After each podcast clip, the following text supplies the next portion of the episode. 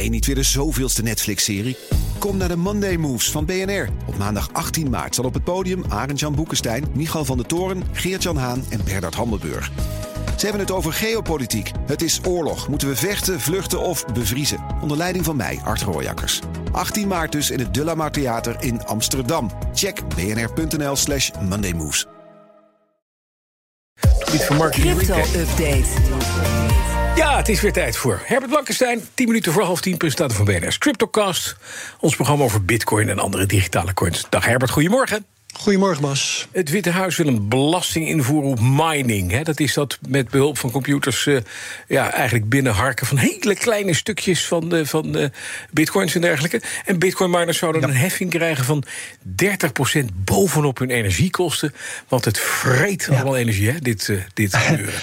Ja, het vreet energie. Um, dit is een voorstel uh, dat in de begroting komt, die aan het congres wordt voorgelegd. En dat is dan weer een nieuwe zet in de strijd tegen crypto, die uh, ja, langzamerhand toch wel eens losgebarsten in de Verenigde Staten. De onderbouwing hiervoor komt van de Raad van Economische Adviseurs van het Witte Huis. Die heeft geschreven: crypto miners betalen op dit moment niet de volledige kosten die ze anderen opleggen, hm. zoals milieuvervuiling, verhoogde energieprijzen en effecten op het klimaat. Ja, daar, daar, kun je heel veel van zeggen. Um, bijvoorbeeld dat er wel meer industrieën zijn waar dit voor geldt, hè, dat de milieukosten worden afgewendeld op de samenleving. En, en verder valt mij op dat die 30% ook gaat gelden, als dit wordt aangenomen, hè, als een miner zon, wind of waterkracht gebruikt. En ook als hij zijn eigen energie opwekt. Hm. Dus het is inderdaad meer een plan, lijkt me, dan uh, tegen crypto dan voor het milieu. Maar verder, ja, of de Republikeinse meerderheid in de huis dit gaat aannemen, dat is niet zo waarschijnlijk, want die zijn over het algemeen wat meer pro-crypto. Oh, ja. Dan een nieuwe documentaire presenteert juist die miners als helden. Ja, film onder de titel Follow the Money. Uh, niet te verwarren met de Nederlandse financiële onderzoekers. Um, film van de Engelse Bitcoin-podcaster Peter McCormack. Het gaat over mining in Texas. Ook niet zo objectief hoor, trouwens. Uh, McCormack geeft hoog op van de werkgelegenheid in de mining. Terwijl mining nou niet echt een arbeidsintensieve industrie is. Het gaat ook over wat je noemt load balancing. Mm -hmm. miners kunnen helpen overtollige capaciteit op te gebruiken. Ze kunnen hun apparaten juist uitzetten als in een bepaalde regio meer elektra nodig is voor verwarming of voor airconditioning, dat soort zaken. Dit zijn redeneringen die een bitcoiner als Cormac net een beetje te goed uitkomen en, en net al te makkelijk voor zoete koek worden geslikt. Maar hij geeft in die film dan weer wel een uh, menselijk gezicht aan zo'n bedrijfstak die verder altijd wordt verketterd. En dat vind ik dan wel weer een verdienste. Ja. Dan, betaalbedrijf Blok heeft het ontwerp af van een nieuwe chip. En die is speciaal gediend uh, om mining te bevorderen. Ja, um, gespecialiseerde chips voor mining. Uh, ASIC-chips heten die. Uh, mining wordt alleen maar met dat soort chips gedaan. En de bedoeling van Blok is om mining te democratiseren... zodat het niet in handen valt van grote partijen... of in handen blijft van zulke partijen. Blok wil uh, dat ontwerp en de software die daar dan bij hoort open source maken, zodat ook kleinere bedrijven zulke chips kunnen gaan gebruiken of zelfs laten maken of in elk geval misschien ook zelf fabriceren. Dat kan dan allemaal. Uh, Blok heeft een testproductie af van 5 nanometer chips. En hebben ze bekendgemaakt, het ontwerp is klaar voor nog geavanceerdere chips uh, met 3 nanometer technologie. Dit is allemaal nog in ontwikkeling.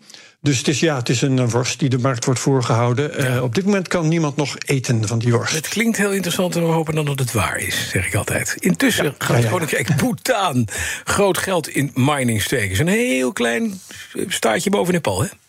Ja, inderdaad. Uh, een tijdje geleden, een paar weken geleden, is per ongeluk bekend geworden dat Bhutan betrokken was bij de faillissementen van de leenplatforms Celsius en BlockFi. Uh, het land had daar rekeningen via het staatsinvesteringsbedrijf. Dat was een beetje ingewikkeld. Um, Forbes kwam er toen ook nog eens achter dat Bhutan al jaren aan het minen is. Met ook weer overtollige energie trouwens van de waterkrachtcentrale. En nu heeft het land zelf maar eens iets bekendgemaakt. En wel dat het een half miljard zoekt om verder in mining te steken. Oh. En ja, Bhutan profileert zich dus langzamerhand uh, als een van de actiefste cryptolanden op deze planeet. Na El Salvador bijvoorbeeld. Dat is ja, toch wel bijzonder. Precies, want dat is inderdaad het is ook staatsgeleid uh, bitcoin aankopen gebeuren. Hè. Dan de weddenschap dat bitcoin 1 juni aanstaande 1 miljoen waard zou zijn. Die weddenschap is nu al verloren. Ja, het prachtig verhaal is dit. Het begon half maart met James Madlock. Dat is een twitteraar, die heeft 84.000 volgers. En die riep zomaar eens dat hij wilde wedden om een miljoen dollar. dat uh, in de Verenigde Staten geen hyperinflatie zou ontstaan. Hè, als gevolg van alle geldprinten dat is gebeurd. Uh, is een hele slimme weddenschap trouwens, want als je die verliest, dan is een miljoen niet zoveel meer waard. Maar als je wint, dan is het wel degelijk een hele hoop. Dus uh, dat is één. Toen kwam ten tonele Balaji Srinivasan, een uh, ex-topman van Coinbase is dat. En die zei, deze weddenschap neem ik aan. Um, ik denk dat binnen drie maanden de bitcoin een miljoen gaat kosten... en wel door hyperinflatie. Nou, Matlock was weer heel slim, kocht meteen een bitcoin als een soort verzekering...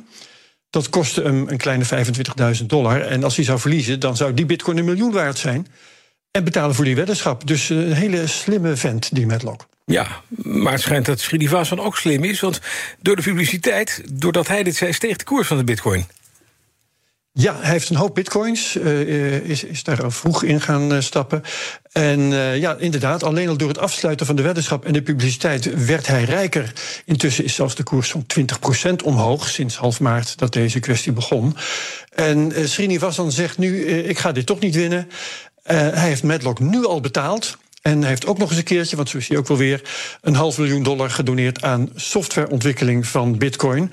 Maar ja, je kunt dus zeggen, als je het zo bekijkt, hij neemt winst door zijn verlies te nemen.